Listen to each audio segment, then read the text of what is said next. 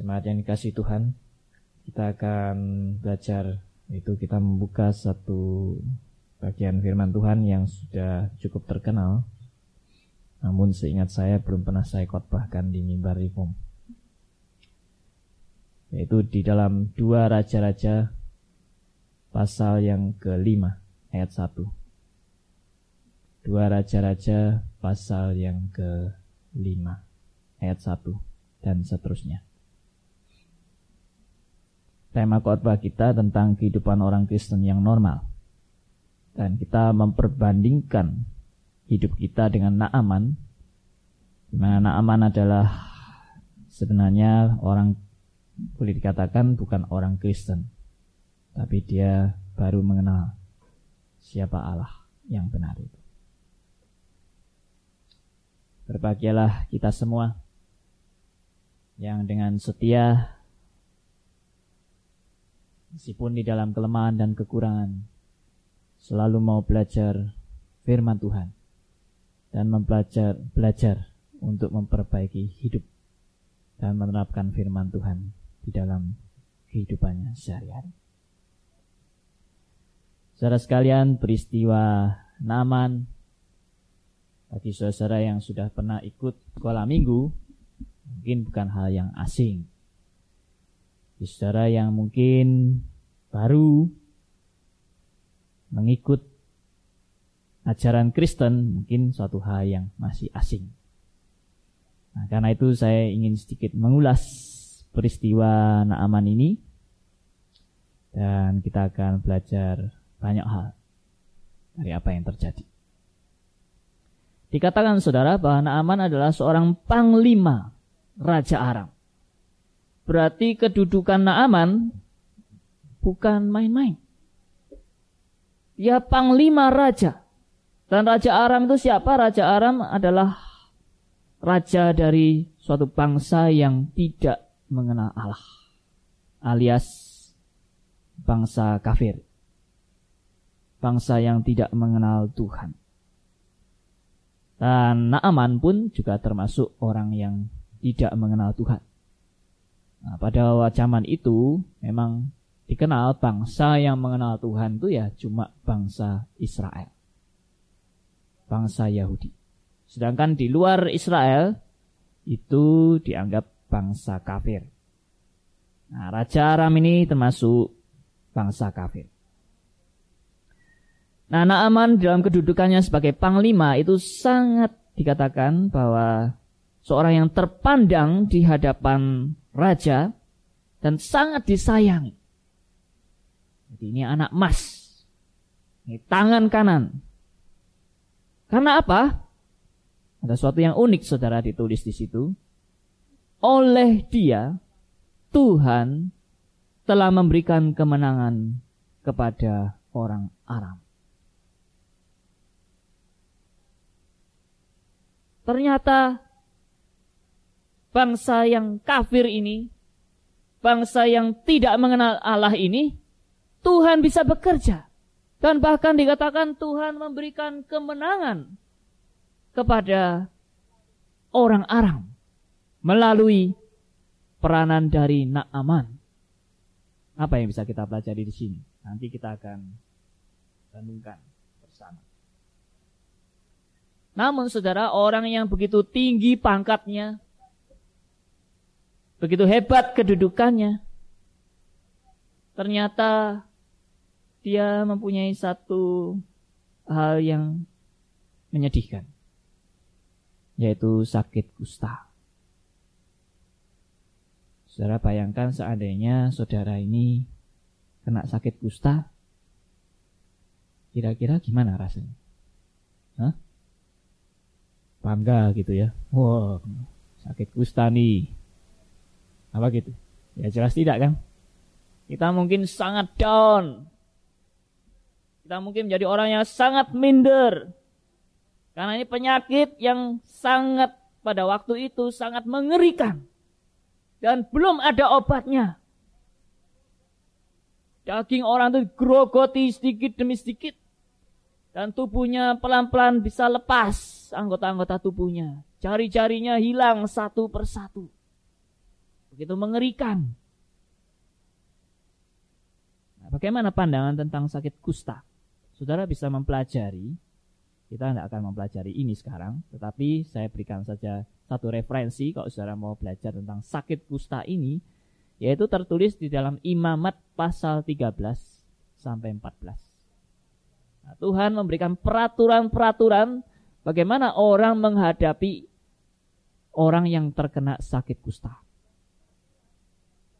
Jadi di dalam peraturan bangsa Israel, orang yang terkena sakit kusta ini dan sudah disahkan dia sebagai orang yang terkena penyakit oleh imam, maka orang ini harus disingkirkan atau diasingkan.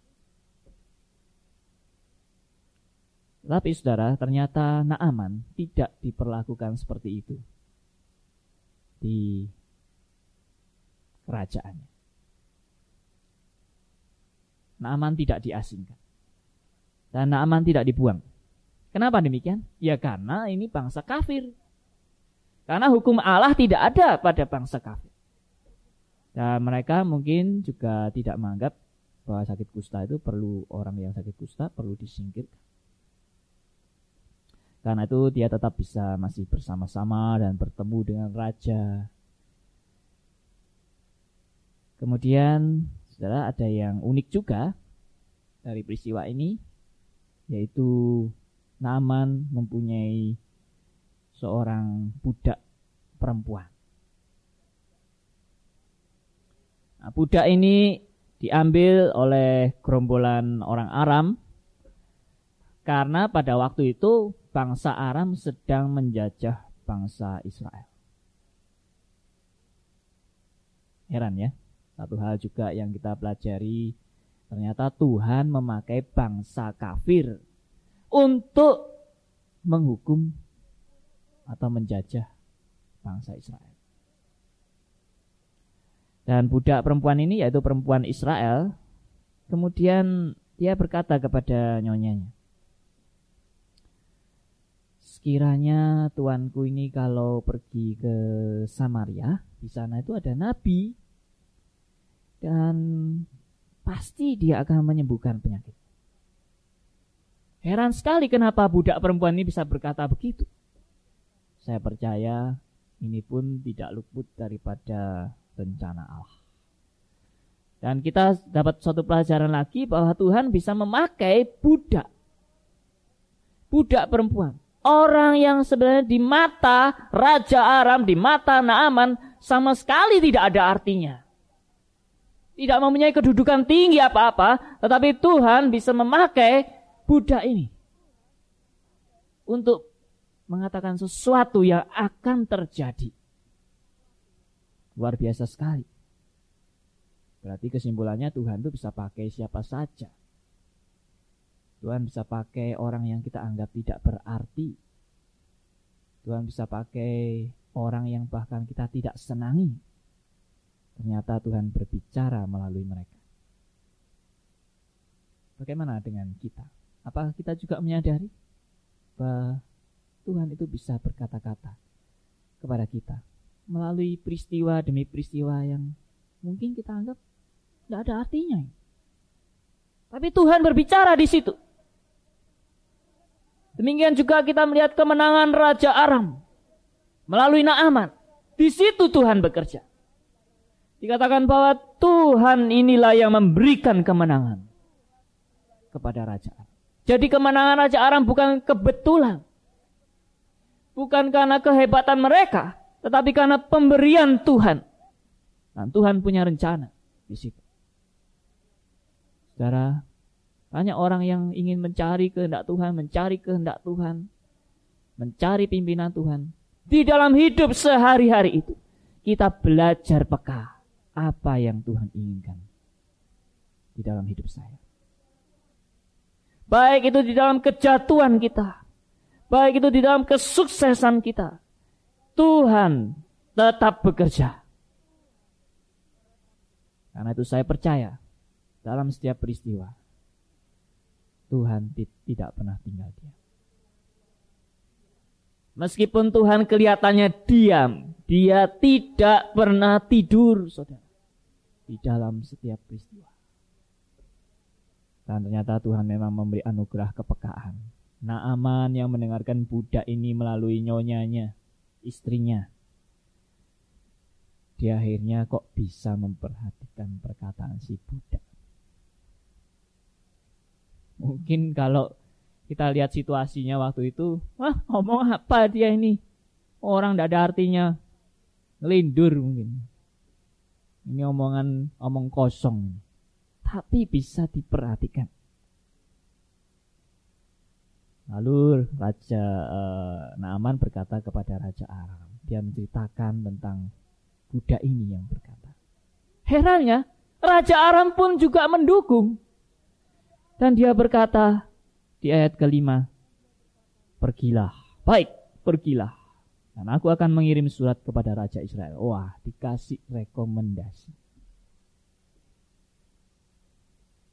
apa Raja Aram tuh kok bisa sampai memperhatikan budak ini saya juga heran. Budak yang tidak ada artinya sampai kepada telinga istrinya, kepada telinga Naaman, kepada telinga Raja Aram, semua memperhatikan kata budak ini. Dan akhirnya Naaman berangkat dan mungkin suatu tradisi saudara. Naaman mungkin juga sudah sering kali berusaha mencari kesembuhan melalui dukun-dukun, tabib-tabib sakti di negaranya, tapi tidak pernah berhasil. Dan selalu kalau orang mau minta sesuatu mungkin bawa sesuatu gitu ya. Oleh-oleh, bingkisan. Tapi yang dibawa oleh Naaman ini apa saudara? Saya mencoba menghitung-hitung yang dibawa oleh Naaman. 10 tarenta perak. Itu ternyata kalau diterjemahkan di dalam ukuran yang sering kali kita mengerti dalam kilogram itu ternyata 10 talenta perak itu ada jumlahnya adalah 340 kilogram. Nah, saya tidak tahu di sini ada yang dagang perak atau enggak. Satu kilogram perak harganya berapa kira-kira? Ya dihitung aja 340 kilogram itu berapa rupiah. Saya belum mengecek di pasaran jadi saya belum bisa menghitung rupiahnya sudah. Lalu 6000 sikal emas yang dibawa oleh Naaman. Berapa 6000 sikal emas ini? Ternyata setelah dihitung dengan ukuran kilogram 6000 sikal itu adalah 68 kilogram emas. Saya mungkin punya satu kilogram aja ndak ada ya. Ini 68 kilogram. Luar biasa sekali. Ya. Kemudian dia juga membawa bawaan-bawaan yang lain. Tapi yang jelas itu semuanya berharga. Lalu dia datang kepada Raja Aram dan membawa surat rekomendasi. Ternyata apa saudara reaksi daripada uh, Raja Israel membaca surat Raja Aram? Naaman datang kepada Raja Israel ini. Dan ternyata Raja Israel itu reaksinya aneh sekali saudara. Dia lalu mengoyak-ngoyakkan pakaian. Menunjukkan kesedihan dan dia mengatakan, apa aku ini dianggap orang sakti atau dianggap Allah? Sehingga aku ini bisa mematikan dan menghidupkan orang. Apa ini? Mau apa ini orang? Cari gara-gara ya? Nah, ini reaksi daripada Raja Israel. Allahkah aku ini? Yang dapat mematikan dan menghidupkan. Sehingga orang ini mengirim pesan kepadaku supaya ku sembuhkan seorang dari penyakit kustanya. Tapi sesungguhnya perhatikan dan lihatlah ia mencari gara-gara. Saudara kelihatannya Raja Israel ini sudah tidak punya kepekaan sama sekali. Kelihatannya Raja Israel ini sudah tidak ada lagi suatu pemikiran. Mungkin ini saatnya saya bisa hidup berguna untuk menjadi saksi. Mungkin saatnya ini saya bisa dipakai Tuhan untuk menjadi berkat bagi orang ini. Tetapi Raja Israel bereaksi sangat negatif. Negatif thinking. Tapi bukan saya lalu mengajarkan positive thinking. Tapi orang yang selalu negatif thinking pasti nggak baik. Kalau selalu. Kemudian saudara apa yang terjadi? Elisa kemudian mendengarkan peristiwa ini. Elisa langsung bereaksi. Ini semua saya juga percaya di dalam rencana Allah. Kemudian dikatakan di ayat 8, Elisa abdi Allah itu bahwa Raja Israel mengoyak-ngoyakkan pakaiannya. Setelah Elisa dengar itu, dikirimnyalah pesan kepada Raja Israel bunyinya. Mengapa engkau mengoyakkan pakaian? Biarlah ia datang kepadaku, supaya tahu bahwa ada seorang nabi di Israel. Kelihatannya Raja Israel ini bahasa Jawanya itu salah tompo. Dipikir Raja Aram itu mau ngetes kehebatannya Raja Israel. Kira-kira dia bisa nyembuhkan enggak ini? Salah tompo. Lalu tersinggung, marah. Ya. Tapi Elisa peka. Dan Elisa mengirim orang dan mengatakan, kamu itu kok sampai mengoyakkan pakaianmu itu kenapa? Suruh datang kemari. Biar dia tahu bahwa di Israel ada nabi. Saudara, apakah perkataan Elisa ini perkataan yang sombong? Kok kayak iya, iya, oh. Kalau Raja Aram, eh, Raja Israel ini malah rendah hati mungkin ya. Wah, saya kan bukan Allah. Saya nggak bisa apa-apa. Ini apa mau cari gara-gara ini dia? Tapi Elisa bilang, hmm, suruh datang ke saya aja. Ya, biar dia tahu ada seorang nabi di Israel. Nah, saudara, kemudian Naaman datang. Naaman datang kepada Elisa dan ternyata setelah datang di rumahnya, di depan rumahnya, apa yang terjadi saudara? Elisa tidak keluar. Tapi dia menyuruh suruhannya. Mungkin Gehazi itu atau orang lain. Suruhannya kepada kepada Naaman dan mengatakan hal yang aneh. Pergi, mandi tujuh kali dalam sungai Yordan, maka tubuhmu akan pulih kembali sehingga engkau menjadi tahir sembuh. Suruh nyemplung di kali Yordan. Elisa tidak keluar sendiri. Yang disuruh keluar itu suruhannya, bawahannya. Bayangkan saudara. Ini panglima raja. Ini orang hebat.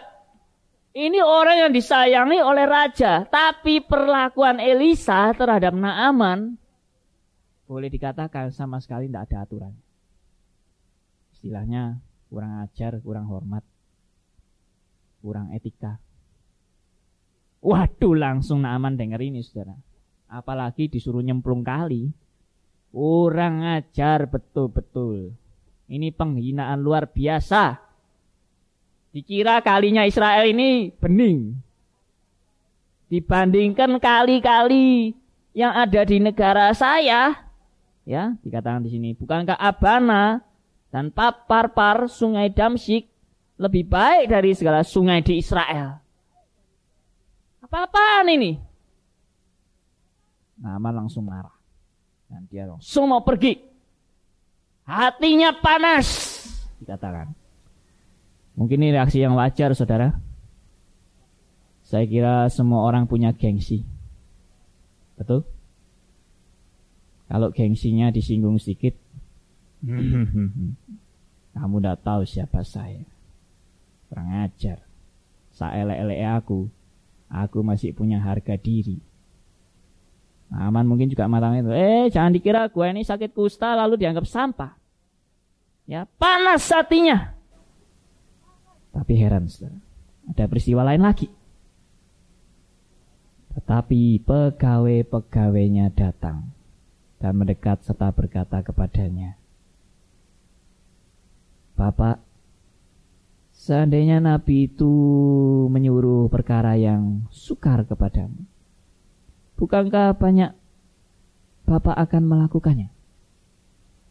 Apalagi sekarang ia hanya berkata kepadamu, mandilah dan engkau akan menjadi tahir.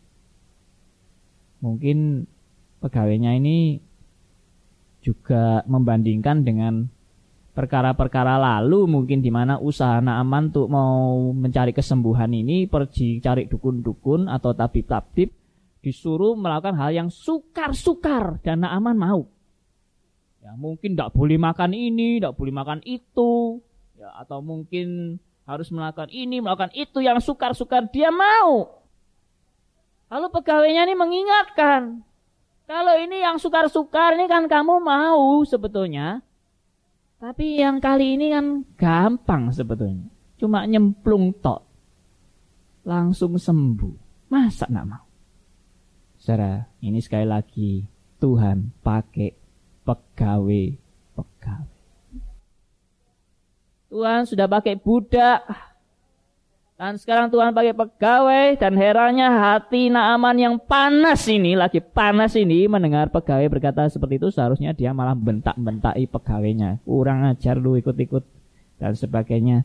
Tetapi Naaman mendengarkan suara pegawai ya maka turunlah ia membenamkan dirinya tujuh kali dalam sungai Yordan sesuai dengan perkataan abdi Allah itu. Dan suatu keajaiban terjadi. Lalu pulihlah tubuhnya kembali seperti tubuh seorang anak dan ia menjadi tahir sembuh. Nyemplung di kali langsung sembuh kalau kita lihat kejadian itu saudara, luar biasa. Kita bayangkan peristiwa itu kalau kita saat itu juga ikut mengamati dan menyaksikan bagaimana saudara perasaan Dan apa yang terjadi setelah itu saudara, kemudian Naaman dengan seluruh pasukannya setelah dia sembuh pergi kepada abdi Allah kepada Elisa. Dan ketika sampai di depan Elisa dia berkata ini adalah suatu pengakuan.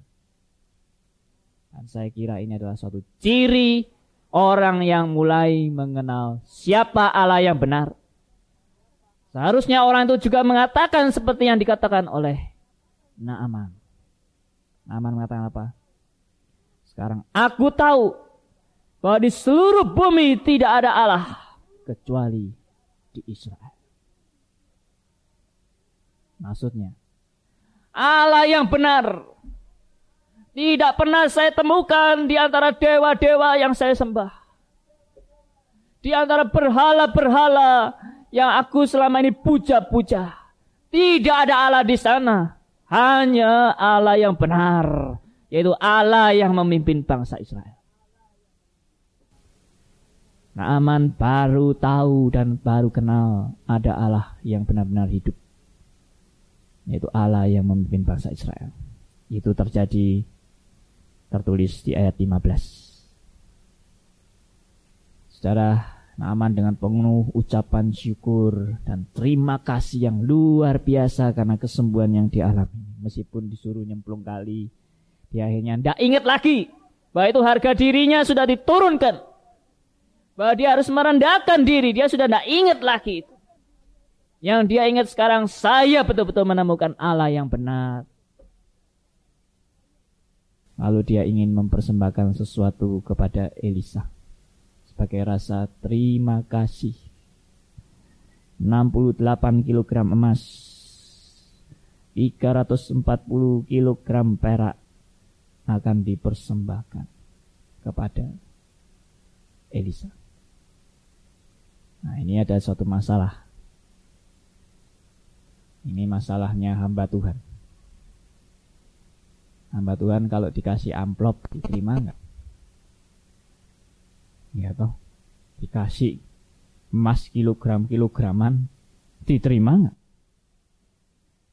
Kalau ada yang punya prinsip kita tidak boleh menerima apa-apa. Contohnya Elisa. Nah, mari kita lihat Elisa ini.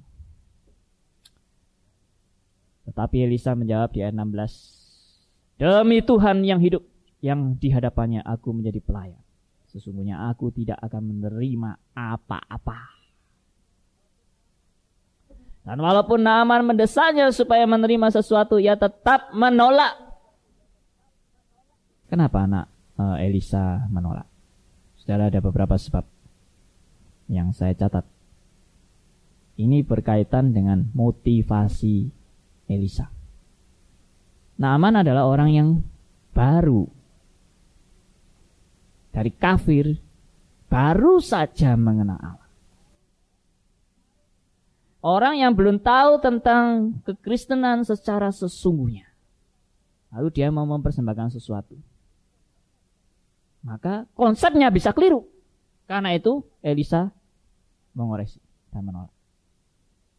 Eh, jangan dikira gua ini nabi bayaran. Jangan dikira saya ini menyembuhkan untuk minta dibayari. Jangan dikira saya menjadi pelayan Allah saya untuk cari uang, gang doang. Profesi pendeta bisa saja saudara menjadi suatu pegangan yang aman bagi para pendeta karena motivasinya masa depan cerah. Pendeta itu tidak dipengaruhi oleh devaluasi. Aman-aman saja. Biarpun kebijaksanaan uang ketat. Nggak peduli gua tetap bisa hidup dan aman. Yang bisnis, waduh kalang kabut. Pusing kepala, tujuh keliling, pendeta tetap santai-santai. Profesi pendeta sebagai cari uang. Elisa menolak. Tidak. Saya tidak untuk itu. Tetapi saudara, hal ini jangan kemudian disalah mengerti Lalu berarti hamba Tuhan yang sejati adalah hamba Tuhan yang tidak boleh terima uang apa-apa. Ya dia makan dari mana? Ya toh. Ada orang yang mengatakan saya tidak mau menerima uang apa-apa. Ah itu bohong. Kamu kalau beli nas, beli beras, ya, beli lauk pauk, pakai apa? Kalau you tidak pernah terima uang apa-apa. Uang apa jatuh dari langit, dari surga, kedebuk, langsung bisa masuk di lemari. Kan tidak. Nah, saudara, dalam hal ini sama sekali bukan artinya itu. Mari kita baca uh, suatu perbandingan. 1 Korintus pasal 9 ayat 13 dan 14. Ini supaya konsep kita itu benar saudara ya. Kita tidak punya konsep yang keliru tentang bagaimana kita seharusnya memberi untuk pekerjaan Tuhan. 1 Korintus 9 ayat 13 dan 14. Nanti kita kembali ke dua raja-raja 5 lagi. 1 Korintus 9 ayat 13 sampai 14. Tidak tahukah kamu bahwa mereka yang melayani dalam tempat kudus mendapat penghidupannya dari tempat kudus itu. Dan bahwa mereka yang melayani mesbah mendapat bagian mereka dari mesbah itu. Demikian pula Tuhan telah menetapkan bahwa mereka yang memberitakan Injil harus hidup dari pemberitaan Injil itu. Nah, ini jelas. Tuhan tidak pernah mengatakan bahwa hamba Tuhan itu tidak perlu pemberian. Tidak perlu uang. Tetapi bukan berarti motivasi menjadi hamba Tuhan itu ingin dapat uang. Itu yang salah. Motivasi melayani ingin dapat amplop. Itu yang nggak benar. Karena itu juga menjadi koreksi bagi saya dan setiap hamba Tuhan bahwa supaya kita juga menjaga motivasi pelayan. Nah, uh, Elisa sebagai satu nabi dia menjaga motivasinya. Oke, okay? sehingga Naaman akhirnya juga bisa mengerti. Lalu Naaman setelah ditolak persembahannya dia tidak marah, ya. Jadi Naaman kelihatannya sudah keakuannya itu diproses oleh Tuhan. Dia sekarang sudah belajar tidak lagi mementingkan keakuannya, kehebatannya. Ditolak, tidak marah. Sebetulnya kan tersinggung, kurang ajar. Aku mau kasih kamu tolak. Kamu nggak tahu siapa saya. Ini pemberian, jangan menghina saya. Kan bisa begitu saudara ya. Ada orang yang ditolak persembahannya ngamuk ya. Ya, tapi ya lihat lihat motivasinya gitu ya kita mau memberi persembahan itu untuk apa kemudian Naaman berkata ya 17 jikalau demikian biarlah diberikan kepada hambamu ini tanah sebanyak muatan sebakal sepasang bakal sebab hambamu ini tidak lagi akan mempersembahkan korban bakaran atau korban sembelian kepada Allah lain kecuali kepada Tuhan. Nah ini banyak yang bertanya-tanya, ada apa sih Naaman kok perlu tanah ini. Jadi Naaman tuh akhirnya bawa tanah dari Israel sebagal ya saya kurang tahu sebagal itu mungkin segerobak begitu ya. Tanahnya ini mau dibawa ke daerahnya di tempat uh, Naaman berada di di bangsa Aram ya. Buat apa tanah ini saudara? Lalu ada yang mengira wah Naaman ini berarti masih percaya mistik. Aneh-aneh ini. Tanah ini dianggap sakti ini tanahnya Israel ya toh. Lalu dibawa lalu dia merasa ini kalau pakai tanah ini dia itu bisa dekat sama Tuhan gitu ya. Bawa sesuatu untuk bisa dekat sama Tuhan. Ini seperti barang keramat atau jimat ya. Tetapi sebenarnya pengertiannya bagaimana saudara? Sebenarnya bukan begitu ya. Saya membaca saudara dari beberapa referensi. Ternyata yang dimaksud oleh Naaman itu bukan begitu. Karena itu ada kaitannya justru dengan tradisi orang Israel sendiri. Uh, mari kita membaca dari keluaran pasal 20 ayat yang ke-24. Ayat 24. Kalau kita lihat judulnya, peraturan tentang kebaktian. Ayat 24. Yang kita lihat sehari-hari mungkin Allah tidak kerja apa-apa. Di balik semua ini Allah bekerja. Ada orang tanya, Lady Day meninggal bagaimana? Allah bekerja nggak? Saya percaya. Nggak ada yang kebetulan. Allah yang mengatakan sudah berhenti sampai di sini waktu. Kalau saudara tanya Lididai masuk surga apa enggak? Ya saya nggak tahu. Itu bukan urusan kita. Yang kedua, Allah bisa pakai siapa saja. Maka itu kita sekarang mulai peka dengan saudara satu dengan yang lain. Mungkin Allah sekarang mau berbicara kepada kita melalui dia melalui teman kita, melalui orang yang mungkin bahkan kita anggap rendah dan tidak ada artinya, Tuhan bisa bekerja melalui mereka. Karena itu jangan menganggap rendah orang. Yang ketiga, Tuhan bisa pakai siapa saja untuk menghajar dan menghukum kita, mengingatkan kita. Tuhan pakai bangsa Aram, bangsa kafir, untuk menghukum bangsa Israel supaya bangsa Israel pun peka dan belajar bertobat. Apalagi melihat komitmen Naaman. Bangsa Israel harus belajar. Yang keempat, Allah bisa menjangkau siapa saja yang dia mau jangkau. Naaman itu siapa sih? Orang kafir. Bukan bangsa pilihan. Buangan. Tidak masuk hitungan. Tetapi Allah mau menjama Naaman Bangsa kafir, bangsa yang terbuang, bangsa yang tidak masuk hitungan. Allah menjaman aman. Berarti saudara tidak perlu khawatir. Ada orang yang tanya, oh kalau gitu nenek moyangku di RRC, siapa yang bisa menyelamatkan mereka? Allah kalau mau menjamat tiap orang di mana pun pucuk gunung yang orang belum bisa ke sana, Allah bisa. Tidak usah kuat. Kita percaya bahwa Allah Maha Kuasa. bagi Allah tidak ada hal yang tidak mungkin.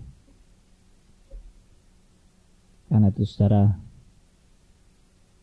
mari kita belajar menghayati siapa Allah yang kita sembah. Berikutnya,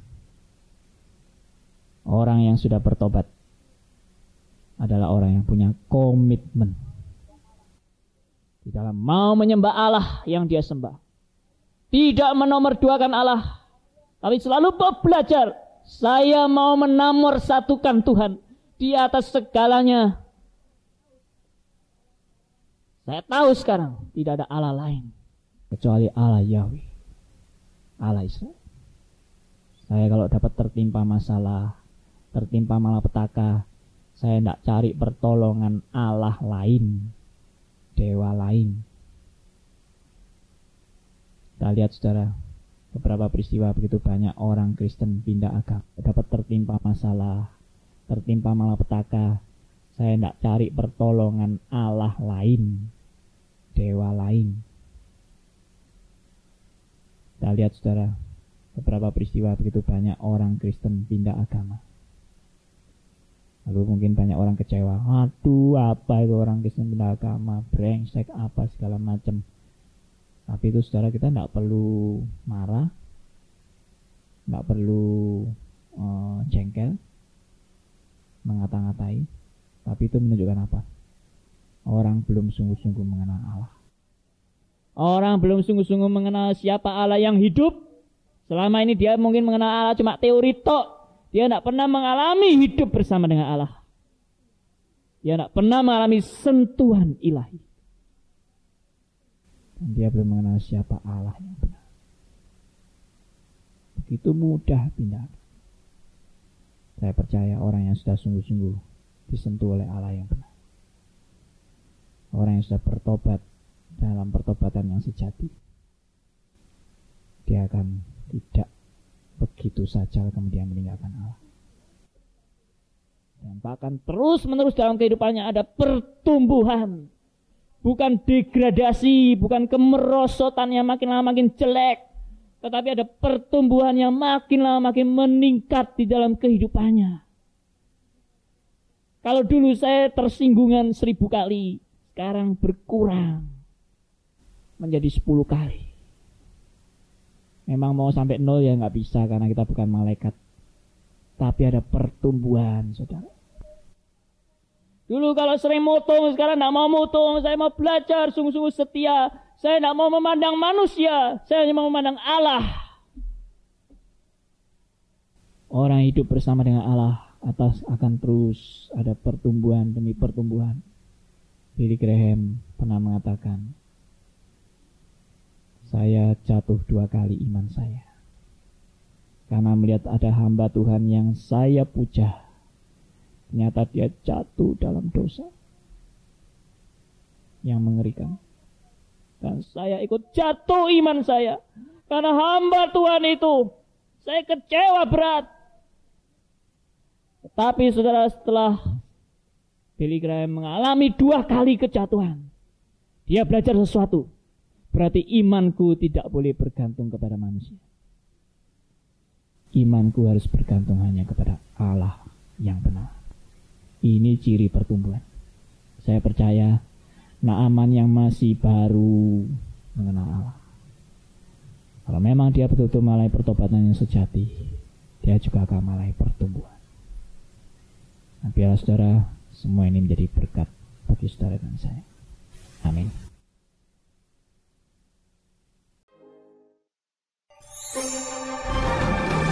You are listening to RMC Radio, Reform Media Center Surabaya. Renewing your mind.